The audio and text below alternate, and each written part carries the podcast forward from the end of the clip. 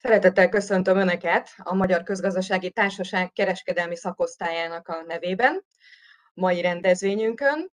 A, bemutatnám először a rendezvényünk résztvevőit. Bói Lóránd, a Volánbusz ZRT általános vezérigazgató helyettese, Hegyi Zsolt, a Mávstart ZRT szolgáltatásfejlesztési és értékesítési vezérigazgató helyettese, valamint Radó András, a Vizer Cabin Crew toborzásért felelős vezetője. Jó magam pedig német Patricia vagyok, a BGL kereskedelem tanszékéről.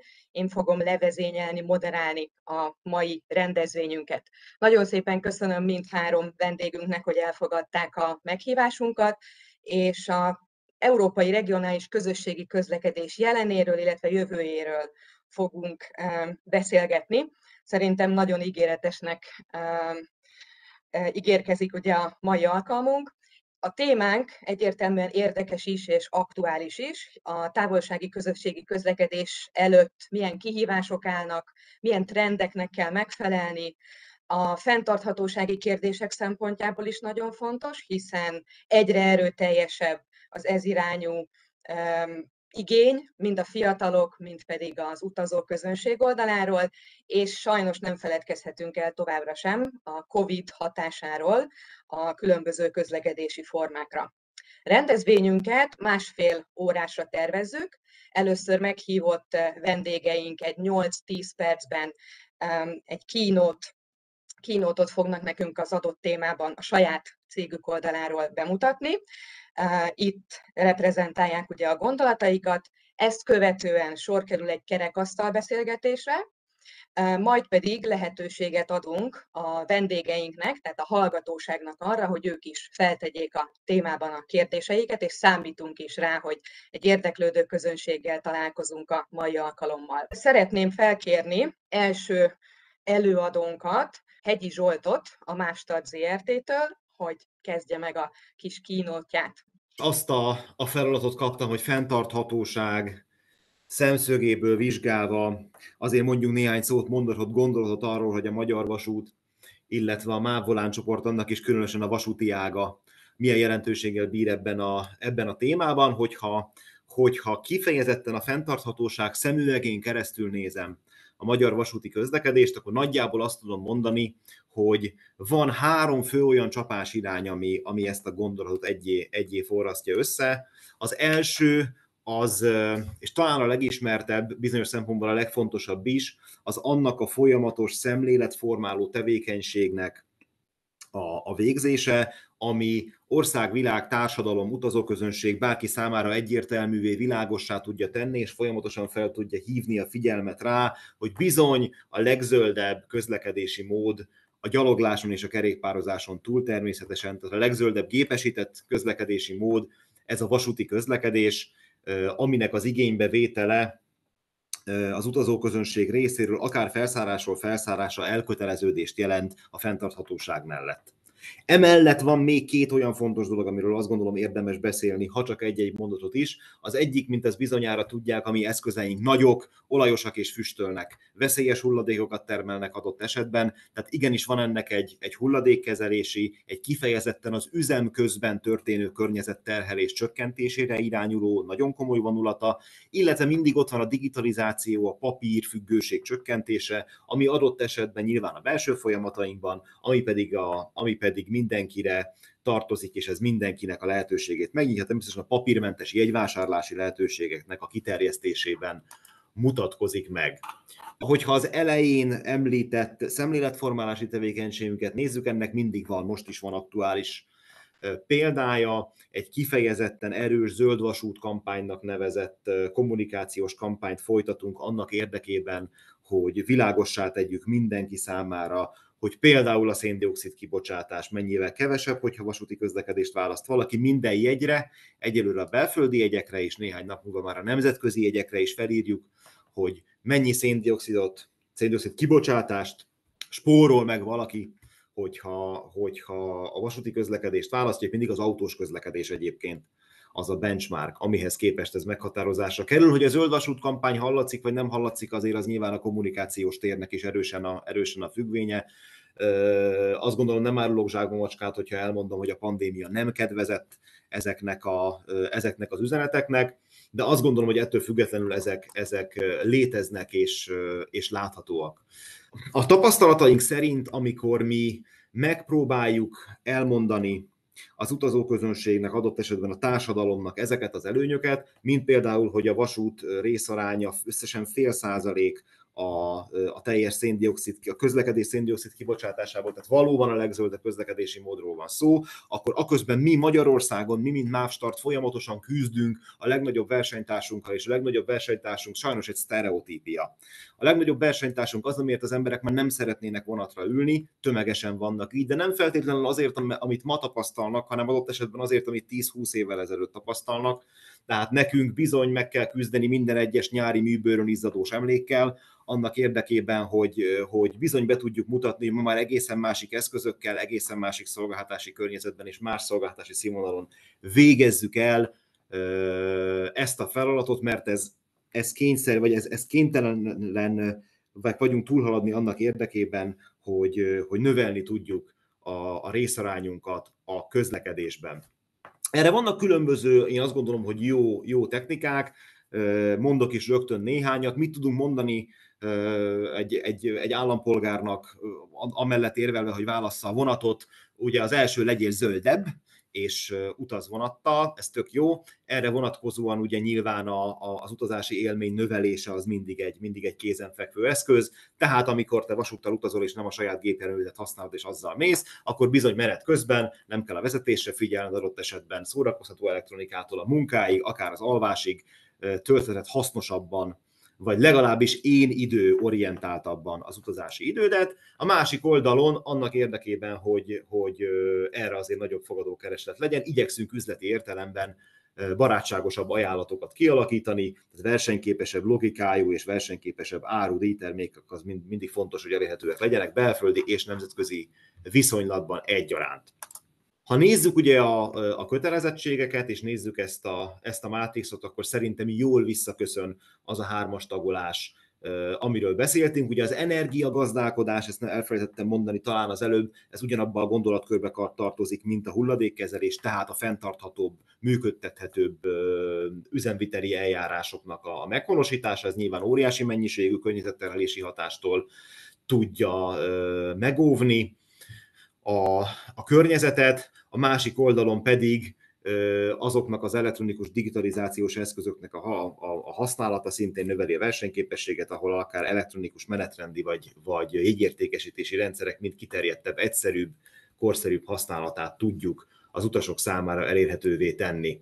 Ugye van nekünk még eszköz a tarsolyunkban annak érdekében, hogy tudjuk a zöld gondolatot hitelesen képviselni, és, és ezáltal a vasút szerepére felhívni a figyelmet. Komoly, komoly lehetőséget látunk abban, hogy a, a, a turizmus tekintetében, vagy a turizmus eszközén keresztül népszerűsítjük a vasúti közlekedést, ezt kettő évvel ezelőtt intézményesítetten el is elkezdtük, és jó tapasztalataink vannak vele, ami azt jelenti, hogy olyan korábban vasúti közlekedéssel, ilyen koncentráltan nem kiszolgált viszonylatokon és, és igényeknél, mint például a Tiszatavi kerékpáros forgalom, hogy tavaly óta kifejezetten közvetlen vonattal, kerékpárszállító kapacitással, tehát kifejezetten kiszolgálva ezt, a, ezt az igényt jelentünk meg, és gyakorlatilag a vonataink végig teleközlekedtek úgy, hogy, hogy évtizedekig korábban nem volt közvetlen budapesti eljutása a Tiszatóról, a, illetve a Dunakanyarban a Mahartal közösen volt egy kezdeményezésünk, egy, egy Dunakanyari kiránduló jegy, ami tartalmazott vasúti eljutási lehetőséget, tartalmazott hajójegyet erre a napra a Mahar Dunakanyari járataira. Nagyon szépen lehetett látni, hogy ezzel az üzenettel, hogy a turiszt, turisztikai élmény, ha úgy tetszik, tehát a kirándulás a nyugati pályaudvaron kezdődik, így olyan utasok is megérkeztek a vasút fedélzetére, akik nem enyhén szólva sem rendszeres felhasználói a MÁV startnak, de akár egy családi kirándulásra szívesen vették ezt igénybe, egy korszerű motorvonattal néhány 10 percig utazva eljutottak a hajó állomásra. Ez nekünk azért kiemelten fontos, mert egy jó belépési lehetőség arra, hogy valóban megmutassuk azoknak, akik adott esetben évtizedek óta nem utaztak velünk, és anyagi lehetőségeik bőven lehetővé teszik a gépjárművek használatát, hogy igenis mentünk előre az elmúlt évtizedekben is egészen máshol van már a szolgáltatásnak a színvonala. Nemzetköziben is van erre, van erre példa, volt tavalyi évben egy, egy kezdeményezésünk, ami igen sikeresnek bizonyul, dolgozunk rajta, hogy idén is biztosítani tudjuk. Ez az Adria Euronight vonat, ez Budapestről Splitbe volt egy, volt egy éjszakai vonatunk, abból a szempontból volt különleges, hogy nem vittünk ülőkocsit, tehát csak hálófekvő kocsikkal és étkezőkocsival mentünk, mint egy gördülő szálloda, úgy kell elképzelni ezt a, ezt a vonatot. Ennek, a, ennek az étkezőkocsiában gyakorlatilag ilyen spontán balkáni taverna hangulat alakult ki, tehát, tehát egészen, egészen más utazási élményt és képet festett a mávstartról és a vasúti közlekedésről, ami ezekben a, ezekben a rossz stereotípiákban van. Gyakorlatilag teltházzal tudtunk menni, a nyári időszakban, azóta is kifejezetten keresik rajtunk, hogy ebben az évben is lesz a lehetőség, és akik itt utaztak, azok évközben megjelentek bizony a többi éjszakai vonatunkon is, tehát egy újabb, újabb eszközt tudtunk szerezni annak érdekében, hogy a fenntarthatóság üzenetét készpénzre váltsuk, és bizony bizony új utasokat tudjunk, tudjunk megszólítani. Egy gyors térkép csak annak érdekében, hogy mutassuk, hogy Közép-Európában kiterjedt hálózattal rendelkezünk, a környező országokban bizony sok úti cél érhető el vasúttal, ugye mindig tudjuk, hogy nyugat felé egy kicsit jobban süt a nap, Bécsbe gyakorlatilag óránként tudunk menni, Erdélybe a menetidő kicsit magasabb, ezt bizonyára tudják akik, akik hallgatnak bennünket is, hogy, hogy miért van, de az, hogy ma óránként megyünk Bécsbe, holott ez két-három évvel ezelőtt még talán csak legfeljebb két órás volt, egyértelműen mutatja, hogy bizony-bizony van jelentősége és van keresni valója a vasúti közlekedésnek Közép-Európában a határon átívelő forgalomban is. Köszönöm szépen, aztán nyilván a kérdések során még beszélünk ezekről a, ezekről a témákról, külön is, de összefoglalva egyértelmű úgy látom, hogy a zöld gondolat és a fenntarthatóság üzenete bizony kitörési lehetőség, önmagát gerjesztő folyamat tud lenni a kommunikációban is, ami által több vasúti utast és ezáltal pedig kisebb környezetterhelést tudunk elérni Magyarországon. Köszönöm szépen! Köszönöm szépen én is Hegyi Zsoltnak a kínótot, és akkor szeretném felkérni Radó Andrást a Vizer oldaláról, hogy ő is mondja el nekünk a bevezető gondolatait. Köszönöm. Jó napot kívánok mindenkinek, köszöntöm az online minket hallgatókat. A víz, először is szeretném, a vízer előtt szeretném elmondani, hogy nekem a repülés után a második kedvenc közlekedési módom az a vonat, és egyébként országon belül a mai napig sokszor vonatozom, illetve külföldi országokban, amikor járok egyik régióból a másikba, például nemrég Olaszországban vonatoztam egy fantasztikus 300 km per órával menő vonattal, tehát az nagyon, tényleg nagyon jól ki tudja váltani az autót, a buszt, rövid távon egyébként a repülőgépeket is, és nagyon jól lehet ott dolgozni. Menet közben van áram, sok helyen van wifi, úgyhogy, úgyhogy ez egy nagyon jó közlekedési mód. Az én kedvencem azért ettől függetlenül, és attól függetlenül, hogy a vizernél dolgozom, a, a repülés, hiszen nagyon gyorsan lehet egyik országból pár óra alatt a, a másikba eljutni, egyik destinációról a másikba, sőt, bizonyos helyeken, országokon belül is.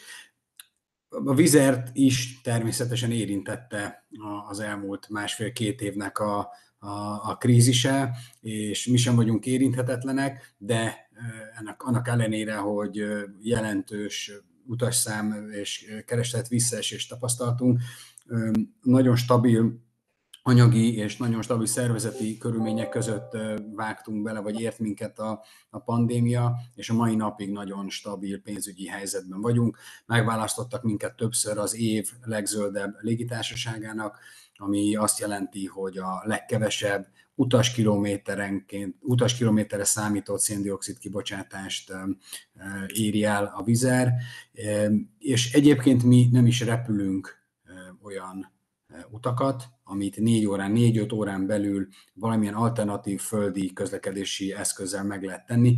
Egész egyszerűen ezek a távok nem ér, ezeket a távokat a mi repülőgép parkunkkal nem éri meg repülni, és, és nincs, nem is lenne rá kereslet, arra tökéletes megoldást nyújt a, a vonat, vagy adott esetben a távolsági busz.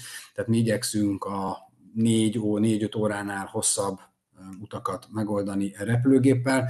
Vannak olyan út, út, útjaink, amelyek látszólag nagyon közeli destinációkat kötnek össze, ám a terepviszonyok, vagy éppen a bizonyos országokban a hiányos közúti közlekedés vagy vasúti közlekedési úthálózat miatt sokkal tovább tartana, mint 4, 5, akár 6-7 órát is tartana a két város között a közlekedés, úgyhogy ezeken az útvonalakon mi repülünk. Azt gondolom, hogy, hogy a Vizer az egyik leg, hanem Európában talán a legzöldebb légitársaság, és rengeteg olyan kezdeményezésünk van, amelyik a széndiokszid és egyéb károsanyag kibocsátások csökkentését célozza.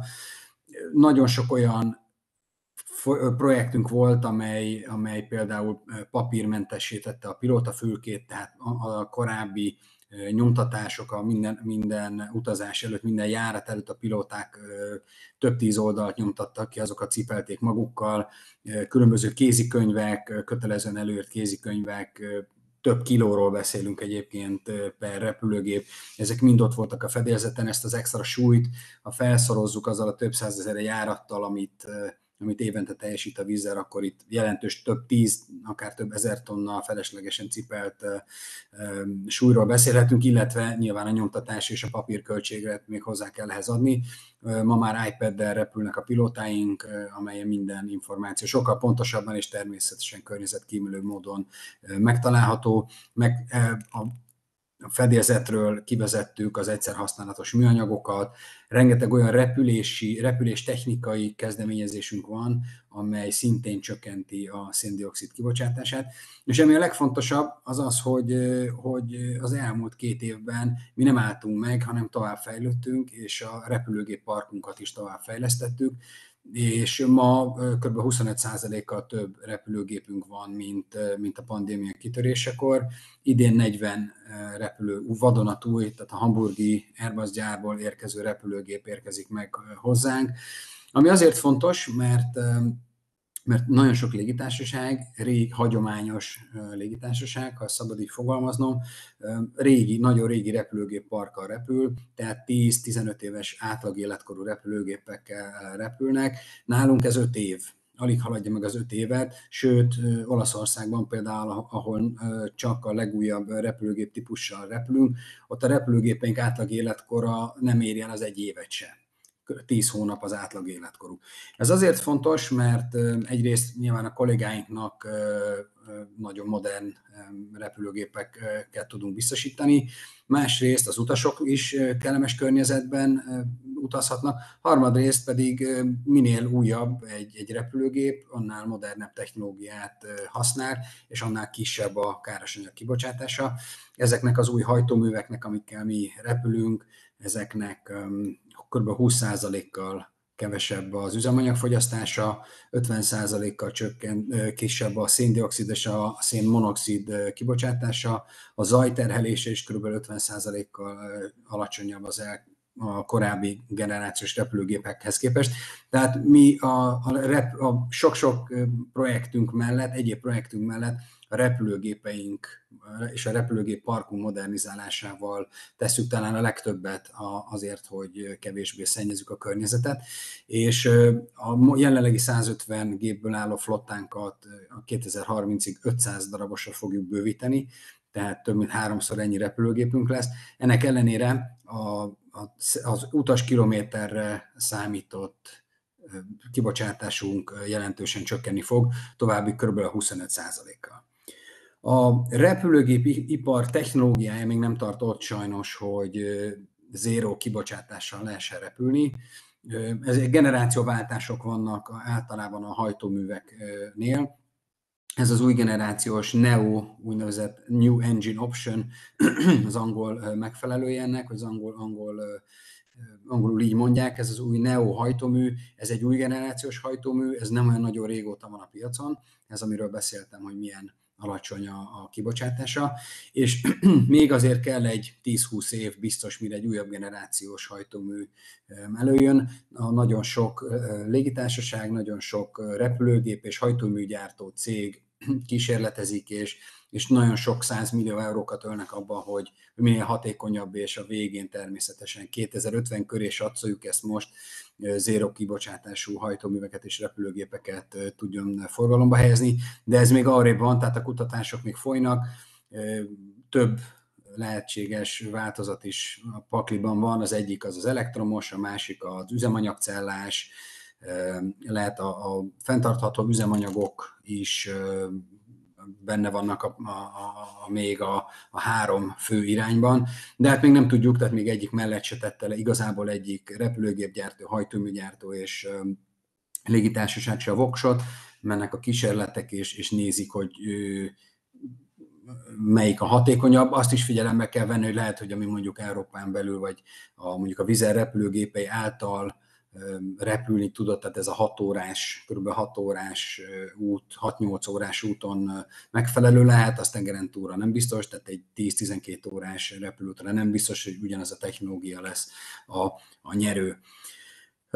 Együttműködés is próbálunk, különböző együttműködéseket is próbálunk megteremteni földi közlekedési módokkal. Ilyen például az egyik legutolsó projektünk, ami egy, az Egyesült Királyságban működő Green Motion elektromos bérautó céggel köttetett, ahol akikkel egy olyan megállapodást kötöttünk, hogy amennyiben az utasaink a földi közlekedéshez ettől a Green Motion cégtől bérelnek autót, úgy akár 10 a, a bérleti díj akár 10%-át is jóváírjuk nekik vízer pontokban.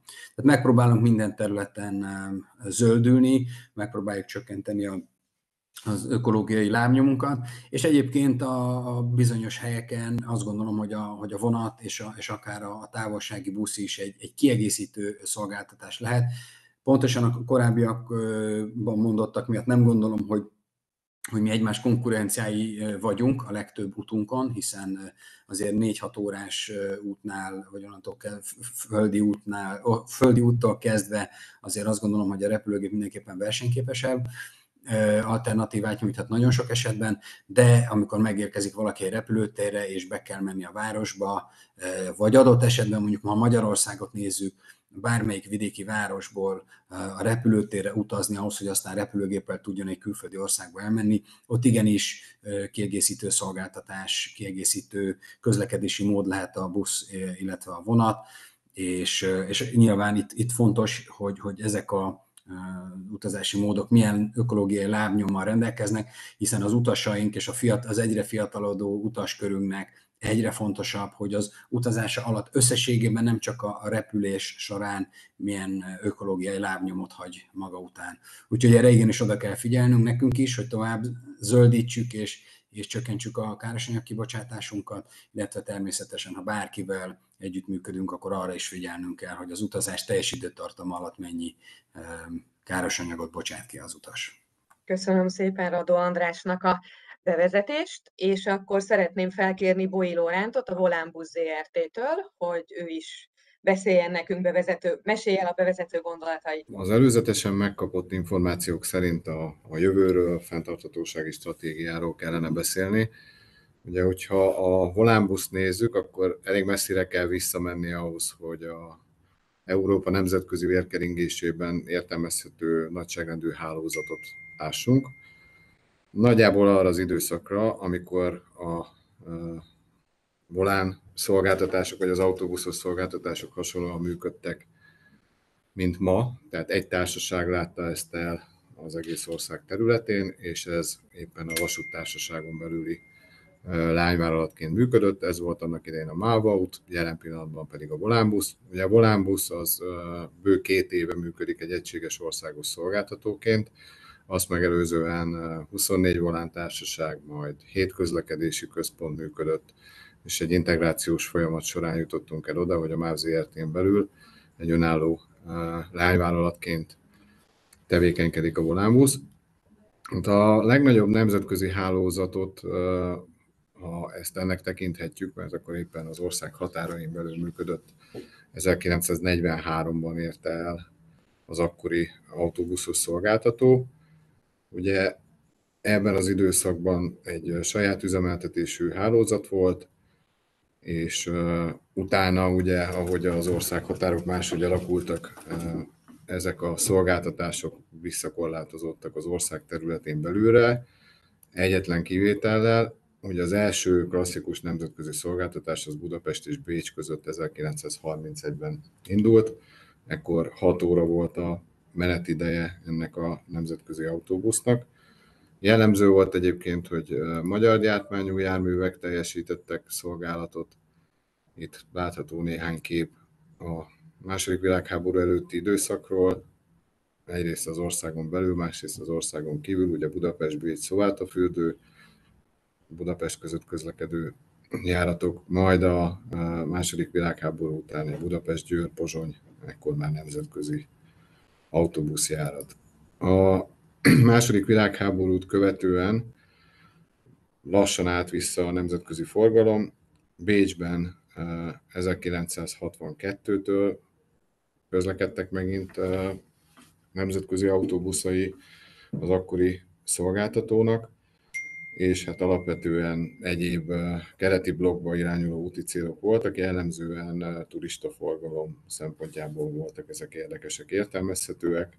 Indult egy éjszakai közlekedés biztosító hotelbusz is, ez Budapest, Szarajevó, Dubrovnik útvonalon, viszont ennek a sikere az nem volt nagyon jelentős. A legnagyobb hálózatot, nemzetközi hálózatot ebben az időszakban az 1970-es, 80-as években alakította ki a volán szakma, itt egy 77-es nemzetközi vonalhálózati térkép látható. Itt külföldi partnerekkel közösen üzemeltek ezek a szolgáltatások.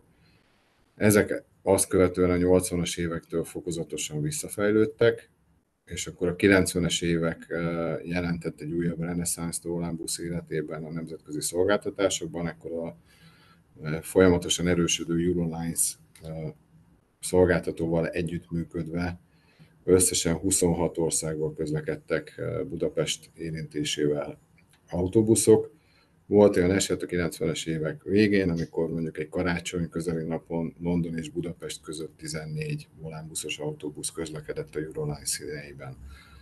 De ezt követően ugye a fapados légitársaságok megjelenésével ez a piac jelentősen átalakult, illetve azzal együtt is, hogy nem csak a fapados légitársaságok jelentek meg, hanem Németországban megtörtént az autóbuszos távolsági piacnak a liberalizációja, és itt a költséghatékonyság következtében ezeket az autóbuszokat azután a németországi belföldi távolsági szakaszokon túlmenően meghosszabbították az országhatárokon túlra. Ennek több lépcsőben azután a Flixbus lett a legnagyobb európai szolgáltatója. Ebben a tevékenységben, ugye, ahogy a Eurolines folyamatosan hátrébb szorult, a Flixbus előre tört, a Volánbusz még részt vett. Itt a Flixbusszal együttműködve. Volt olyan időszak, amikor Budapest-Bécs viszonylatban 30 perces követéssel közlekedtek a nemzetközi járatok. Azután a következő nagy változás a pandémia volt, amely ezeket a nemzetközi utasokat szinte teljesen levette az autóbuszos szolgáltatásokról, illetve máshonnan is, de a vasútnál még megmaradt valamekkora rész a nemzetközi utazási igényekből. Az autóbuszos területen ez szinte teljesen megszűnt, úgyhogy itt a pandémia kezdetét követően ezek a nemzetközi járatok leálltak, úgyhogy jelen pillanatban Budapest-Bécs között a Volánbusz közreműködésével már nem közlekedik Flixbus által üzemeltetett vagy általa kezelt nemzetközi viszonylat. Ami jelen pillanatban megmaradt, az a kis határforgalmi autóbuszok közlekedtetése. Hát ez ugye a pandémiás rendelkezéseknek megfelelően változó volt folyamatosan, hogy ezek mikor közlekedtek, mikor nem, attól függ, hogy milyen határátlépési vagy pandémiás szabályok voltak érvényben.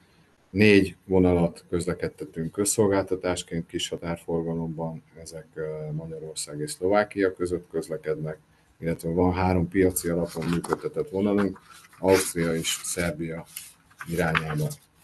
Ezen túl a tavalyi nyáron indultak nyaralójáratok, az Adria térségébe volt olyan viszonylat, amely viszonylag jól működött, volt olyan, ami kevésbé. Azt láttuk, hogy jellemzően a bizonytalanság miatt az volt a jól működő viszonylat, ahol éjszakai utazás volt, egy komplet napot el lehetett tölteni a tengerparton, mert a következő éjszakán visszautazásra szóló jegyeket értékesítettünk.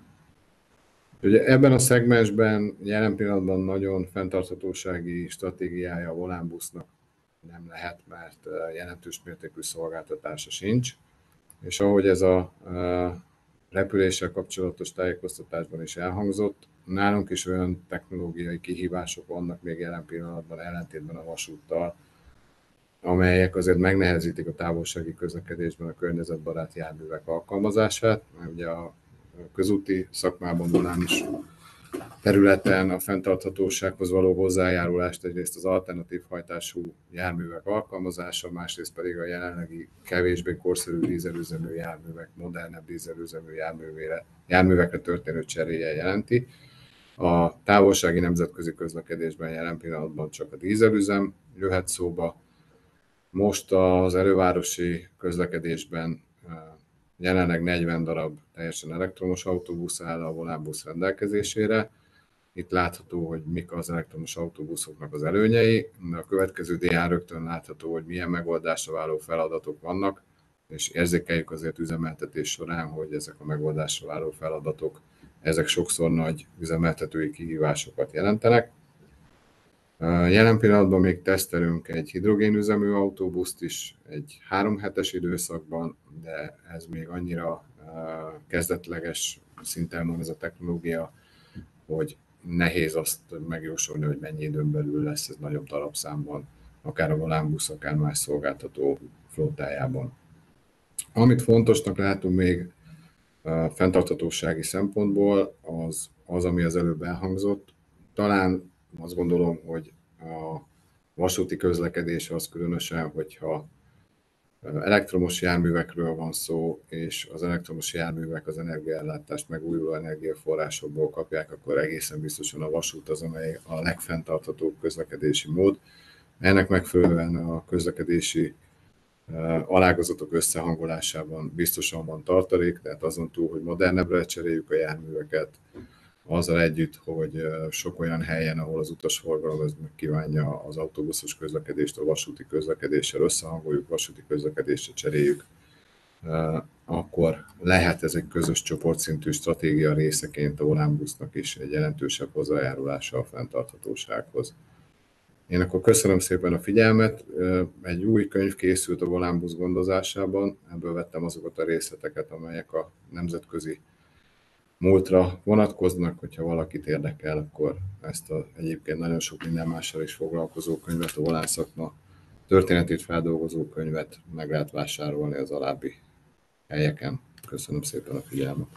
Köszönöm szépen Boi Lórántnak a kínótot, és akkor most így összeülünk egy kerekasztalba, és elbeszélgetünk ezekről a témákról.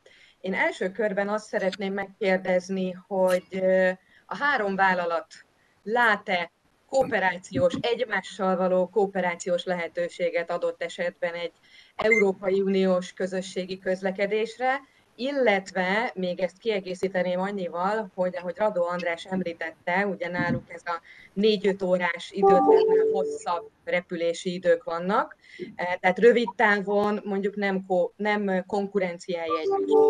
De adott esetben hosszabb távon hogyan gondolkodnak erről önök, hogy az autóbusz versus vonat versus repülő versenytárs, kiegészítő, helyettesítő? És akkor az első kérdés ugye az volt a kérdés első rész, hogy el tudják-e képzelni a hármas kooperációt? Ha megengedik, akkor én kezdem, hiszen részben már érintettem ezt a kérdést. Tehát eh, én azt gondolom, hogy kiegészíteni tudjuk egymást helyi szinteken, tehát eh, Európán keresztüli együttműködésre én nem nagyon tudok gondolni de helyi szinten, és most egy kicsit függetlenítve magunkat a volánbusztól és a, és a MÁV-tól, tehát a, a vasút és a buszközlekedést általánosságban véve, azt gondolom, hogy kiegészítő szolgáltatás lehet. Mi sokszor repülünk másodlagos repülőterekre, hiszen ezek olcsóbbak, viszont ezek bizonyos esetben távolabb vannak a városközponttól. Nem okvetlenül baj ez, hiszen vannak olyan utasok, például Stockholmban a Skavsnára repülünk, ami Stockholm belvárosától körülbelül másfél órányi autóbuszútra van, és ha az ember oda szeretne menni, akkor nagyon kényelmes fölülni egy buszra, ami elviszi el, viszonylag olcsón a főpályaudvar, vagy a fő buszpályaudvarról a repülőtérre, de mondjuk azoknak az embereknek, akik Stockholmtól nyugatra laknak, nagyon kényelmes helyen van ez a, ez a repülőtér. Úgyhogy én azt gondolom, hogy helyszinten abszolút van létjogosultsága az együttműködésnek, vagy, a, vagy az egymás szolgáltatásainak a kiegészítésének. Hosszú távon nem gondolom, hogy egy, egy Budapest-London, egy Budapest-Párizs, egy Budapest-Barcelona, Madrid, Róma útvonalon valódi konkurenciát jelenten, jelentenénk egymásnak, hiszen ezek az utak repülővel másfél-két óra, két óra alatt megtehetőek, busszal, vonattal azért ezek napokba telnek, és, és főleg minél keletebbre megyünk, ugye mi nagyon sok kelet-európai piacon repülünk, ahol az úthálózat azért messze elmarad a, a Magyarország és főleg a nyugat-európai úthálózatoktól, ott, ezek az, ott az adott távolság a sokkal több időt vesz igénybe út, közúton megtéve. Sok esetben, és most nyilván nem a mávra gondolok, de sok esetben a, a vonatok minősége is azért megkérdőjelezhető, illetve valakinek mondjuk üzleti útra kell utazni, akkor nem biztos, hogy szívesen tölt egy-két napot úton, teljesen mindegy, hogy milyen autóval, busszal vagy vonattal, hanem akkor ő szeretne egy-két órán belül ott lenni, és akár már nap végén megfordulni és hazajönni. Úgyhogy helyi szinten kiegészítő szolgáltatásként mindenképpen azt gondolom, hogy ennek van létjogosultsága. Ha, ha megengedik egy, egy-két gondolat erejéig, bocsánat, a kép az nem feltétlenül van, mert a sávszélesség nem a barátunk. A, én azt gondolom, igen, kiegészítve, a, a, kiegészítve az elhangzottakat, talán egy kicsit nagyobb önbizalommal vagy bátorsággal. Alapvetően azt gondolom, hogy, hogy háztól házig utazás illetve utazási láncok szervezése kapcsán feltétlenül vannak, vannak együttműködési pontok. Mondok egy példát, ha valaki Szegedről Londonba szeretne utazni, akkor adott esetben azt gondolom, hogy ez jelen pillanatban ma úgy, úgy kézenfekvő, hogy Budapestig eljövök vonattal. Most, hogy a Ferihegyi repülőtérre való vasúti közlekedésnek éppen milyen aktuális problémái vagy akadályai vannak, kicsit ez zárójelbe téve, de azt gondolom, hogy koncepcionálisan feltétlenül ez tud lenni egy, egy ilyen típusú együttműködési pont. Ennek ugye az elővárosi verziója ugyanilyen fontos, ha Szolnokról akarok Londonba menni, akkor talán ez még inkább kézenfekvő. És ugye a, a Magyarországon belül pedig azt gondolom, hogy a volánbusznak ugyanígy megvannak ezek a típusú, típusú ráhangolódási pontjai és utazási képzési lehetőségei, adott, adott esetben vasúton keresztül, talán közvetlenül is, ami, ami mindenképpen egy, egy ilyen típusú együttműködés. Én azt gondolom, hogy, hogy ha, ha találunk arra módot, hogy ebbe, ebbe valamilyen módon intézményesítetten is életet leheljünk, akkor én szerintem az értékesítési lehetőségek összekapcsolásán vezethet talán egy első, első lépcső, hogyha létezne valamilyen, valamilyen keresőnbe beírom, hogy Szeged-London, és kapnék egy olyan eljutást, amiben van egy vasúti láb és, egy, és adott esetben egy vízzeres láb, akkor az például egy kézen fogható, kézzel, kézzel fogható együttműködési, együttműködési mód. Ennek a, a lehetőségeit kerestük korábban is, keressük ezután is. Nem konkrétan úgy értem, hogy start és vízzel, de ilyen típusú szolgálatokon átívelő együttműködések mindig jók.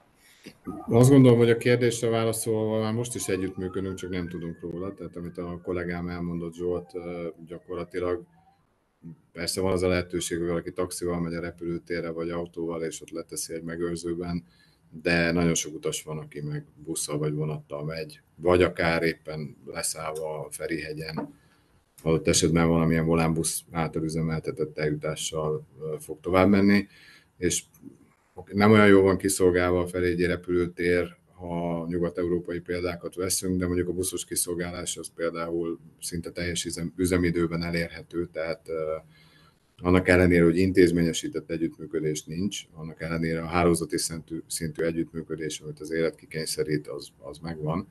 És szintén Zsoltal egyetértve itt az értékesítés lehet az a felület, amely, tovább viheti ezt az együttműködést, mert éppen nem régen vásároltam repülőjegyet, és hát mindenképpen bérautót akartak volna rám sózni, vagy valamilyen egyéni közlekedési lehetőséget, persze nyilván ebben van az üzlet, de hogyha mondjuk egy menetrendi keresőre mutatna a foglalás végén az oldal, ahol a továbbutazást meg tudom magamnak tervezni, esetleg a jegyárban már benne is van az adott célpontig történő elutazás, azt szerintem tovább lendíthetni a dolgot.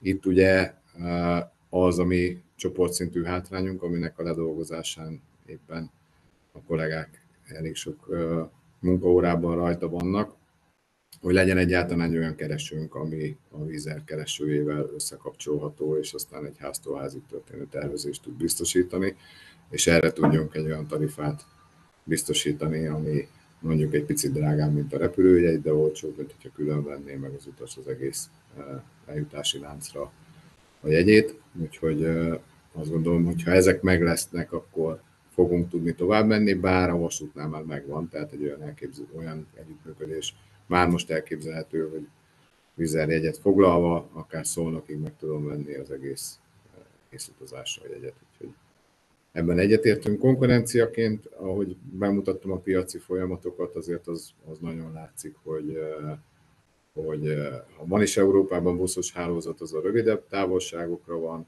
van olyan hely, ahol akár tud versenyezni menetidőben a vasúttal, de ez viszonylag ritka, a repülővel meg nyilván nem. Itt a kényelmetlenségért biztosított alacsonyabb ár lehet, ami versenyképes volt, de a kontingentált árak megjelenésével a repülésben talán ez, ez az árelőny elveszett, bár most már a fapadosok sem annyira fapados árakkal dolgoznak, ha az ember nem csak egy szár ruhába szeretne gyorsan oda és visszautazni. Úgyhogy itt még akár látok rövidebb távon a fogyásszállítással kapcsolatban, vagy az árakkal kapcsolatban adott esetben verseny lehetőséget, de nem azt gondolom, hogy itt egy állami autóbuszos szolgáltatónak kellene a piacra belépni. Köszönöm szépen. Közben érkezett több csetes kérdés is, nem mindegyikre térünk most azonnal rá, de a legutolsó kérdés az szerintem abszolút kapcsolódik ahhoz, amiről most beszéltünk. A kérdés az, hogy vajon mennyire igazságos, hogy aki környezetbarátabb vasútat választja, nem a repülést, annak nem csak a hosszabb utazási idővel, de a nagyobb utazási költséggel is áldoznia kell a környezetvédelem oltárán. Hát ez egy jó kérdés egyébként, és egy érdekes dilemma. Ugye a, a és ez elvezet odáig, hogy valójában ugye azt, azt be kell látnunk, hogy ma Európában a vasúti közlekedés a helyváltoztatás legdrágább verzióját jelenti. Ugye ennek a költségszerkezete sokféle okból és szabályozóból kiindulva is, ha lehet azt mondani talán, hogy elég torz, de feltétlenül elég magas. Itt mindig az a kérdés, hogy egyáltalán hol van az a határ, tehát nagyjából földrajzilag hol van az a határ, ahova, ahova a, a költségek versenyképesen tarthatók a vasúti szolgálható szempontjából, tudott esetben a MÁV Start, mint vasúti személyszállító a költségeket a versenyképesség határán belül tudja tartani. És nagyjából az szokott kiderülni, hogy, hogy Budapestről számolva körülbelül 6-700 kilométeres sugarú körben van az a kör, ahol ezek, a, ahol ezek a, a, az árviszonyok megteremthetők. Ezen felül már olyan magas költségek keletkeznek, olyan hosszú menetidejű vonatokat kell közlekedtetni, aminek adott esetben a közlekedtetését a közszolgáltatáson belül a különböző országok megrendelői nem feltétlenül finanszírozzák vagy vállalják. Tehát egy teljesen másik költségszerkezetben dolgozunk. Ugye képzeljük el, hogy, hogyha a repülés úgy működne, hogy légterenként, persze hogy így működik, csak én nem vagyok elég tájékozott, szóval légterenként kellene megállapítani azt, hogy, hogy milyen költséget kell az infrastruktúráért fizetni, és ez volna a, a, a költségeknek nagyjából a fele. Tehát egy, egy másik pályán mozgunk, hogyha, hogyha igazságot keresünk ebben, ami, ami, a, ami azért elég nehéz, akkor azt tudom mondani, hogy, a, hogy az árak alapvetően a költségeken múlnak, a költségek pedig nem feltétlenül vannak arányban mondjuk a fenntartatósági kritériumokkal. A másik oldalról is érdekes a kérdés, mert egy, ne, egy közelmúltbeli péld, személyes példát hagy mondjak el. Körbeutaztam Olaszországot, különböző megbeszéléseim voltak. Egy Róma, Nápoly repülő, bocsánat, vonatjegy, ez kb. 50 euróba került, nem is, nem is első osztályon. Mondjuk ez pont ez a magas sebességű vonat volt, tehát hiszem másfél vagy két óra alatt ott voltam, de egy ugyanilyen távolság, vagy mondjuk akár egy Milánó-Nápoly, mi mondjuk nem repülünk éppen Róma-Nápoly, de egy Milánó-Nápoly, ez egy hosszabb út, ugye Milánó-Szicília az ilyen akár 5 eurótól is van, de mondjuk szerintem ilyen 20 euró fölé azért nem nagyon megy, hiszen nagyon sok járat van egy nap, sok járat van egy héten. Tehát ezen érdemes elgondolkozni, hogy, hogy melyik a versenyképesebb, illetve hogy, a, hogy az utas melyiket fogja választani, és mi arra törekszünk, hogy ne repüljünk félig üres, és itt most félig üres, fontos, hogy nem félig tele, hanem félig üres repülőgépeket, tehát ha kell, akkor mi igazítjuk a, a menetrendünket, nyilván nem pár napon belül törlünk járatokat, de most, amikor kevesebb volt az elmúlt időszakban a, a kereslet, vagy alacsonyabb volt a kereslet, akkor össze-össze vontunk járatokat pontosan azért, hogy a környezetterhelést is figyelembe véve ne repüljünk feleslegesen, ne repüljünk üres vagy majdnem üres gépekkel, hanem arra próbáljunk koncentrálni, hogy, hogy minél több utas legyen egy adott repülőgépen.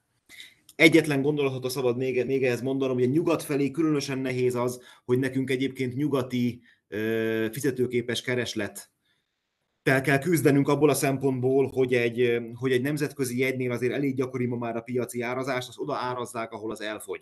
Tehát adott esetben, hogyha egy, hogyha egy Bér-Salzburg vasúti jegyet az ÖBB el tud adni 99 euróért, akkor nem fogja azt, azt nyilván számunkra 99 eurónál olcsóbb részösszegért felajánlani egy Budapest-Salzburg útnál sem. Tehát az, hogy a helyi vasúti forgalom milyen árszínvonalon viszi el a kapacitást, és vásárolja meg a személyszállítási szolgáltatásokat, az egyértelműen hatással van a, a vasúti jegyárakra, és ez bizony tőlünk akár 500 meg 1000 kilométeres helyi környezetben felmerülő piaci viszonyoknak az eredménye.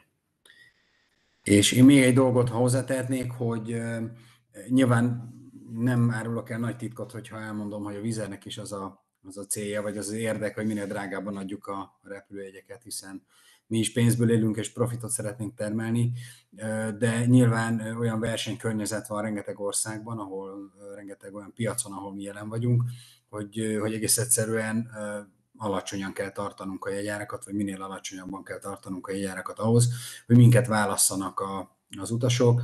Ez lehet Ausztria, ez lehet az Egyesült Királyság, Olaszország, tehát nagyon Spanyolország, tehát nagyon sok olyan piac van, ahol elképesztően erős a verseny, ami egyébként nyilván a fogyasztóknak jó a végén, mert nagyon olcsón tudnak utazni, de nekünk a hatékony üzleti modellel, és itt érkezett egy kérdés is, amire részben válaszoltam, de a nagyon hatékony üzleti modellünknek és a modern flottánknak köszönhetően mi még mindig alacsonyabban tudjuk sokszor tartani a jegyárakat, mint a versenytársaink.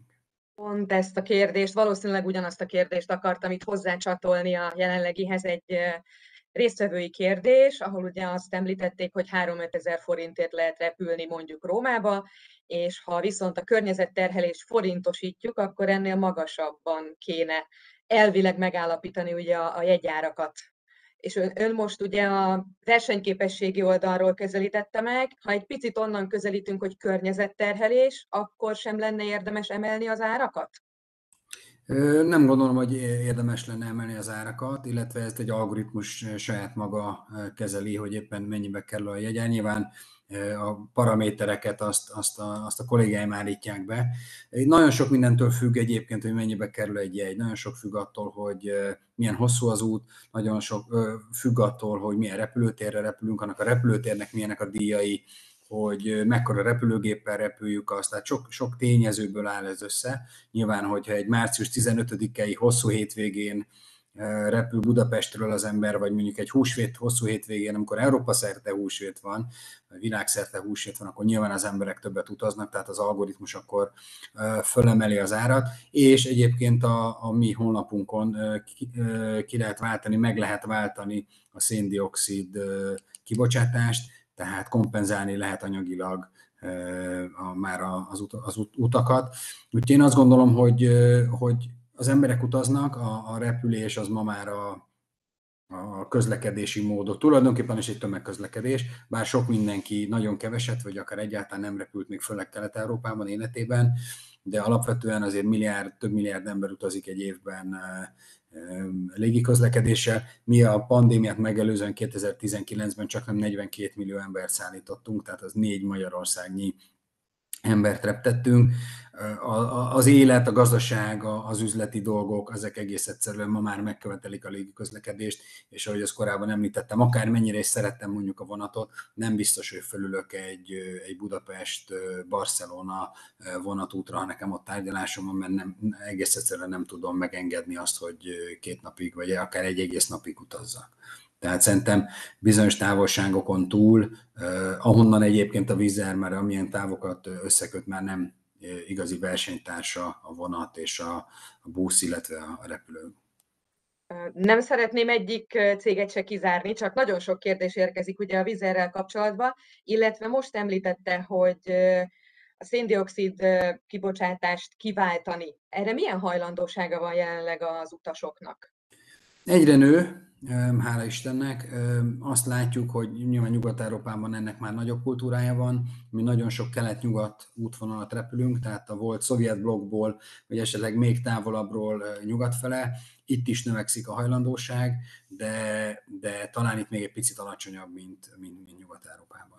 Nem ez a, egyébként azt gondolom, és azt gondoljuk, hogy nem ez a, nem ez a megoldás, ez egy, ez egy tapasz a seben. A megoldás az nyilván, hogy, hogy olyan eszközökkel, repülőgépekkel repülünk, amelyek nagyon keves, nagyon, amelyeknek nagyon kicsi az ökológiai lábnyoma, és természetesen minden egyes lépéssel tovább tudjuk csökkenteni, vagy, vagy, vagy ha nem is csökkenteni tudjuk, de valahogy kompenzálni tudjuk a, a károsanyag kibocsátást, de azért alapvetően itt a technológiai fejlesztések hozzák az igazán látható és mérhető nagy megtakarítást. Nagyon szorosan kapcsolódik a vonat és a repülőhöz a kérdés. Nemrégen felmerült, hogy az EU szeretné a belföldi légijáratokat gyors TGV elektromos vonatokkal helyettesíteni. Van erről valamilyen információjuk, hogy ez elindult-e, vagy mikor lehet valóság? Mondanám, hogy a mi helyzetünk az nagyon egyszerű, Magyarországon nincsenek belföldi légijáratok, következésképpen TGV-kkel sem fogja őket kiváltani az Európai Unió. Viccet félretéve az igazság az, és akkor most nyilván András megerősít, hogy megcáfol, ismerve a, ismerve a légitrendeket, hogy egyébként szerintem évtizedek óta zajló folyamat, hogy ez piaci alapon is létrejön. Tehát a, a, azokban, a, azokban a nyugat-európai országokban, ahol a belföldi légijáratok de ez nem feltétlenül csak belföldi, mert mondjuk ha Párizs-Brüsszel forgalomra gondolok, akkor az már nemzetközi, de mégis mondjuk távolságát tekintve nem olyan nagy, ezeknek a légijáratoknak a nagysebességű vasúti hálózat kiépülésével, a folyamatos leépülése volt látható, és utasok átterelődése a, a nagysebességű hálózatra tekintettel arra, hogy a menetidő nagyjából ugyanott volt, de városközponttól városközpontig, mint korábban repülőtértől repülőtérig, és ez egy hallatlanul nagy, nagy versenyelőny. Ami Magyarországot illeti, én azt gondolom, hogy egyébként Magyarországról a, a, ezek a közismert és nagy frekvenciával működő légi destinációk közül egyik sem feltétlenül nagyon közeli, vagy hogyha mondjuk kilométerben nem is annyira, annyira messze van mondjuk egy észak célpont, ahova azért azt gondolom, hogy a, a légiforgalom Magyarországról erős. Ott viszont a domborzati viszonyok olyanok, hogy, hogy gyakorlatilag ez vasúti közlekedéssel elég nehezen vagy elég magas beruházási költség mellett, mellett volna megoldható. Természetesen ettől függetlenül Magyarországnak az mindig célja, hogy nagysebességű hálózatos csatlakozzon. Ugye több ilyen típusú projektnek is a, a megvalósíthatósági tanulmánya az készítés alatt van. Itt a V4 fővárosok között, illetve a nyugat-európai hálózat Béstől való meghosszabbítása tekintetében is ezek a, ezek a vizsgálatok zajlanak, mert nyilvánvalóan előbb-utóbb el fogunk oda jutni, hogy ez egy versenyképességi kulcskérdés lesz, de Magyarország esetében ezt annyira nem látjuk most élesnek, hogy, hogy máról holnapra kellene róla gondoskodni. Igen, ahogy Zsolt is mondta, én azt gondolom, hogy itt, itt, távol, itt, itt három dolog, vagy három része kell leszedni. Egyrészt ezt versenyképesen meg lehet -e építeni, és lehet-e üzemeltetni. Másrészt milyen távokról beszélgetünk. Harmadrészt tényleg a terepviszonyok nagyon fontosak. Mi 2020 őszén megjelentünk a norvég belföldi piacon, mert ott nem tudom, ki tud, vagy mindenki tudta de hogy Oszlótól a Norvégia északi csúcsáig olyan távolság van, mint Oszlótól Rómáig, tehát egy nagyon hosszú ország, ahol ráadásul a terepviszonyok, főleg télen azért elég nehézkesek. Ott, ö, ott is vannak belföldi vonatok, de mondjuk amit mi Oszlóból Bergenbe repülünk egy óra alatt, azt hiszem 7 óra vonattal. Tehát vannak törekvések nyilván, és, és aki ráér, és aki szereti nézni a tájat, vagy vagy bármilyen más okból tényleg nagyon megrögzött, megrögzött környezetvédőként vonattal utazik. Arra van nagyon sok helyen egyébként a mai nap is lehetőség különböző országokban, országon belüli közlekedésre, de aki, akinek nincs ennyi ideje, az, az nyilván ilyen esetben a repülőgépet választja. Köszönöm. Nagyon aktívak a hallgatóság tagjai, nagyon sok kérdés, illetve egymással csevegés érkezik a csevegő boxba, és kiszúrtam magamnak egy kérdést, hogy visszavonzuk a volánbuszt is a kerekasztal beszélgetéshez. Az a kérdése a hallgatónak, hogy hogyan lehet zöldíteni a volánbuszt, az elektromos buszok hosszabb távon Budapest-Bécs például ugye nem működnek, esetleg hidrogén meghajtásban gondolkodnak, vagy ténylegesen ugye nem Magyarország területén belül, hanem egy picit hosszabb távon. Van-e esetleg megoldási lehetőség? Hát, pillanatnyilag a zöldítésnek a hatótávban a dízellel megfelelő alternatívája az a gázüzemű autóbuszok területe. Az, hogy ez mennyire minősül zöldítésnek, az egy érdekes kérdés. Nyilván abban az esetben, ha mondjuk a gáz, amit az autóbuszba tankolunk, az valamilyen biogázüzemből származik, akkor eh, a dízelüzemnél biztosan jobb, és az elektromos üzemnél, vagy ahhoz közelíthető eh, környezeti terhelést kapunk. Az igazság, hogy olyan a távolsági piacon olyan nagyon éles és rövid távon alkalmazandó megoldás nem látszik, tehát Budapest-Bécs valóban nem, nem életszerű, de még egy Budapest-Szolnok sem feltétlenül, mert ugye a járműnek meg kellene fordulnia töltés nélkül ezt a jelenlegi hatótávolság nem tudja. A hidrogénhajtás az lehet már, illetve a üzemanyagcellás üzemeltetés lehet már ilyen jellegű megoldás. Itt viszont jelenleg az ár az, ami mind a jármű, mind a töltőinfrastruktúra esetében elég magas, tehát mondjuk egy, egy hidrogén töltőnek a bekerülési költsége az alaphangon 600 millió forint. Egy hidrogénüzemű jármű az 250 millió forint, amíg a dízelüzemű az mondjuk ennek a egy harmada vagy egy negyede adott esetben. Úgyhogy ezek azok a körülmények, amik megnehezítik azt, hogy ez gyorsan történjen. Hát itt ugye, ahogy felvetette egy másik kérdező is a, a vonat és a repülőgép viszonylatban, az új technológiáknál egyértelmű valamilyen állami vagy Európai Uniós támogatás az, ami mellett ennek a technológiának az elterjedését a szolgáltató számára és adott esetben az utas számára is költséghátrány nélkül előre lehet vinni. Erre jó példa egyébként az Zöld Busz projekt, ahol az állam mind a járműbeszerzésre, mind pedig a töltőinfrastruktúra kialakítására 60-80 százalékos támogatást biztosított, és így lehet az üzemeltetési költségeket a hagyományos dízelüzem szintjére vagy az alá csökkenteni. Tehát jelen pillanatban nem olyan nagyon jók a kilátások, nyilván állami programok akár EU-s támogatásból, akár hazai forrásból fognak indulni ennek a új meghajtási módnak az elterjesztésére. De elsősorban azt látom, hogy hogy még mindig inkább a, a regionális és az elővárosi városi piac az, ahol ezek a, ezek a meghajtási módok szóba jöhetnek. Mennyire stratégiai kérdés az önök cégeinél a környezetvédelem, a fenntartható fejlődésnek való megfelelés? Ugyanis ugye látjuk, hogy egyre erősebb az olyan irányú fogyasztói elvárás, szabályozási elvárás, az EU elvárása, hogy környezetbarátabban működjenek a cégek. Tehát mennyire stratégiai kérdés, illetve van-e az önök cégének fenntarthatósági jelentése, és ezt mennyire tartják fontosnak, hogy legyen? Fontos, nagyon fontos. Már csak azért is fontos, mert a befektetők is, és az utasok is ezt egyre inkább elvárják és, és megkövetelik. Van a fenntarthatóságnak dedikált fejezete az éves jelentésünknek, ahol egyre több mindenről számolunk be, és akár a, a jövőben, hogyha úgy alakulnak a dolgok, akkor egyébként, a, amiről korábban beszéltünk, a, tényleg az ajtótól ajtóig való ökológiai lábnyomot is lehet, hogy bele kell vennünk ebbe a jelentésbe, hogy milyen alternatívákat ajánlunk az utasainknak, hogy a repülőtértől az ottani célállomásukig eljussanak.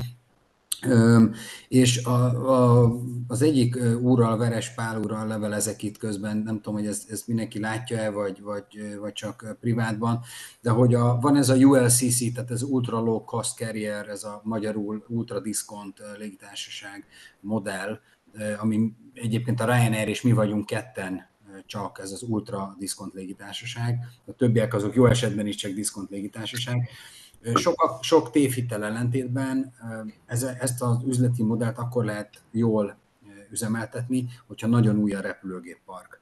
Hiszen ez ugyanaz, mint, az, mint egy autóflottánál, hogyha nagyon fiatal az autóflotta, akkor egyrészt nagyon sokat lehet üzem használni, tehát nincs sokat szervizben, másrészt természetesen a kibocsátása is alacsonyabb, mint egy, mint egy öregedő flottának, Úgyhogy, úgyhogy mi ezzel tesszük a legtöbbet egyébként a, a fenntarthatóságért, a korábban említett különböző repüléstechnikai és egyéb kezdeményezések mellett, hogy, hogy folyamatosan frissítjük, újítjuk meg a repülőgépparkunkat, a régi repülőgépeket visszaadjuk a, a a leasing cégeknek, és most nem szeretném megnevezni, de ez egyik nagy nyugat-európai légitársaság az általunk visszaadott repülőgépet vásárolta meg, ami több mint tíz éves volt, és azzal repül az egyik legnagyobb nyugat-európai légitársaság. Tehát nagyon fontos az, hogy, hogy, a, hogy a vizer már hol tart a fenntarthatóságban,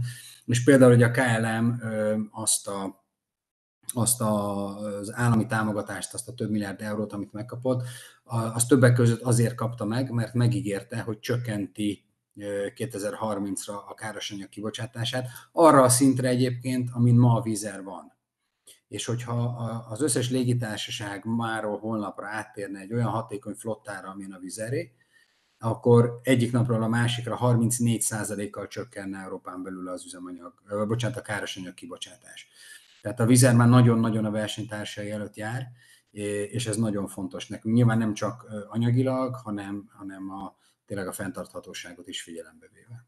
Nekünk uh, Mávolán csoportszinten van egy um, fenntarthatósági uh, célkitűzésrendszerünk, fenntarthatósági stratégiánk. Ennek ugye bázisa az alapvetően alapvetően a vasúti kötött pályás közlekedés fenntarthatósága, de jó néhány autóbuszos elemmel is kiegészül ez. Ugye, ahogy említettem, a zöld busz program, de adott esetben az autóbuszok tárolására szolgáló telephelyek, autóbuszállomások korszerűsítése, klímabarát energetikai megújítása szerepel ebben a programban és nyilván fontosnak tartjuk. Egyébként egy külön honlapon szerepel ez a stratégia, illetve a célkitűzések. Ahogy elhangzott a Vizer hozzászólásában, ugye a volánnál is nagyon fontos a járműállománynak az átlag életkora, mivel minél fiatalabb egy jármű, annál jobbak a kibocsátási értékek ezen eszközöknél, minél fiatalabb egy jármű, annál kevesebb a fogyasztása, tehát itt a volán esetében az szerepel célkitűzésként, hogy 10 évnél idősebb autóbusz ne legyen a rendszerben. Esetleg Hegyi Zsolt... Igen, igen, én szeretnék reagálni arra a kérdésére, amikor azt kérdezte, talán, talán az volt az első részkérdés ebben a, ebben a kérdésben, hogy mennyire fontos. Igen. És én azt gondolom, hogy nagyon. Tehát, hogy ez egy, ez egy, és ez nem egy marketing szöveg, én azt gondolom, hogy a Mávolán csoport ezt kiemelten kezeli, hogy a, hogy a fenntarthatósági irányba lépjen, mind a szolgáltatás, mind a szolgáltatásnak a, a résztvevői köre, tehát az utasszámbővítése, mind pedig a belső folyamataink. Tehát így, ahogy a Bói úr mondja, a, a járműfejlesztések dolgától kezdve a vasútvillamosításig, ennek mind-mind-mind az a célja, hogy maga a vasút is adott esetben, és ugye ide, ide tartozik szintén már Volán csoport révén a hév közlekedés, ahol ugyanilyen járműfejlesztési feladatok állnak a kollégák előtt, és akkor szegről végről, de azért, azért mégiscsak leginkább a MÁV ZRT, tehát a pályaműködtető oldaláról azért azt szeretném kiemelni, hogy zajlik árufuvarozásban is ugyanúgy a vasúti közlekedés tekintetében ugye egy fenntarthatósági fókuszú átalakulás, ebben én kevésbé vagyok járatos, de azt gondolom, hogy egy, hogy egy mondat erejéig a személyszállítás mellett mindenképpen a vasúti közlekedés kapcsán ezt is érdemes megemlíteni. Igen, csoportszinten kiemelt cél, tehát ahogy említettem, ezért készült el ez a honlap, ezért készült el a kiadvány, a stratégia, a NÁV Volán 2030-ig tartó stratégiájában is kiemelt fejezete van ezeknek a célkitűzéseknek, és azt gondolom, hogy ezzel kicsit meg is előztük a korunkat, mert e, ezek a célkitűzések aztán az EU legújabb előírásaiban visszaköszönnek. Tehát ahogy e, Homolya úr szokta mondani, nagyon kevés időnk van arra, hogy ezeket a célkitűzéseket teljesítsük csoportszinten, de különösen azt gondolom, hogy hogy a közszolgáltatók, a személyszállítási közszolgáltatók, mert mondjuk az autóbusz közlekedésnél ez tényleg egy nehéz feladat, hogy azokat a kibocsátási értékeket utolérjük, anélkül, hogy a technológia ezt számunkra lehetővé tenné, vagy elérhetővé tenné. És hozzáteszem, hogy még egy fontos szempont van, hogy a, a, sem a vasúti személyszállításban, sem az autóbuszos személyszállításban nem történt díjemelés több mint tíz éve vagy díjváltoztatás. A zöld fordulat Nyugat-Európában azt is jelenti, hogy amennyiben mondjuk zöld energiát táplálnak be egy vasúti hálózatba, vagy egy városi villamos hálózatba, az tarifaemelés követi, amely tarifaemelésnek az indoka az a zöldítés, és ezt ott elfogadják, megfizetik az utasok. Tehát ez azért egy nagy különbség. Nálunk jelenleg még ilyen, ilyen fordulat nincsen, ami nem jelenti azt, hogy nem lesz rövid időn belül. Mind a hárman említették azt, hogy a járműflotta megújítása és az új technológia használata az nagyon fontos, és a vizernél az is elhangzott, hogy mi történik a flottából kikerülő járművekkel. Hogyan valósul meg a volánbusznál, illetve a MÁV-nál az idézőjelbe elhasznált járműveknek a kezelése? Mi történik velük? A mi esetünkben Ugye olyan magas jármű átlag életkorról beszéltünk egészen a közelmúltig. Az elmúlt három évben nagyjából az egyharmada cserélődött le a flottánknak, de előtte azért különösen a keleti, nyugati országrészben, tehát az agglomerációs régió kivételével azért 15-16 éves jármű átlag életkorról beszélhettünk. Most egy jelentős darabszámú olyan selejtezett járművünk van, amelynek a hulladékként történő hasznosítása lehetséges jelen pillanatban. Ennek az értékesítésén dolgozunk. Itt ugye megfelelő környezetvédelmi hulladékgazdálkodási engedéllyel rendelkező vásárló veheti meg ezeket az eszközöket, de elindítottunk annak a folyamatát is, hogy adott esetben ezeket az eszközöket házon belül elkezdjük bontani a keletkező veszélyes hulladékokat megfelelően kezelni, mert ez valószínűleg házon belül biztosítható a legmegnyugtatóbb módon, és csak a fennmaradó hasznosítható hulladékot fogjuk értékesíteni. Ez jelen pillanatban egy nagy kihívás a szolgáltató esetében. A következő kihívás meg az lesz, amikor majd ennél fiatalabb járműveink fognak kikerülni a rendszerből, és ezeket kell, hogy tovább értékesítsük.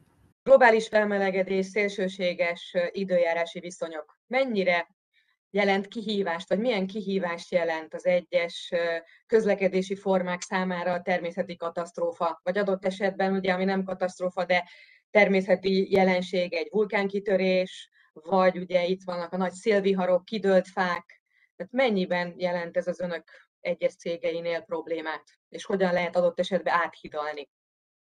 Hát talán ebben mi vagyunk a legérintettebbek, és, és hogy csak egy mai példát mondjak, Európa szerte elég viharos időjárás van, úgyhogy épp azt néztem, hogy sajnos a repülőgépeink különböző helyekre divertáltak, tehát más helyen szálltak le az eredeti célállomás helyett, és buszokkal szállítjuk át egyébként ilyenkor legtöbb esetben. Amennyiben az időjárás nem engedi, hogy átrepüljünk az eredeti célállomásra, akkor buszokkal visszük át egyik helyről a másikra az utasokat.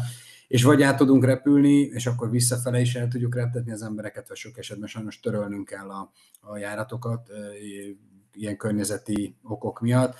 Nyilván az Etna, vagy az a kimondhatatlan nevű izlandi vulkán, talán 10-12 évvel ezelőtti kitörése is, is korlátozza a légiforgalmat. Az Etna mostani aktivitása az rendszeresen okoz kisebb-nagyobb fennakadásokat ott a, a, a, lég, a környező légtérben.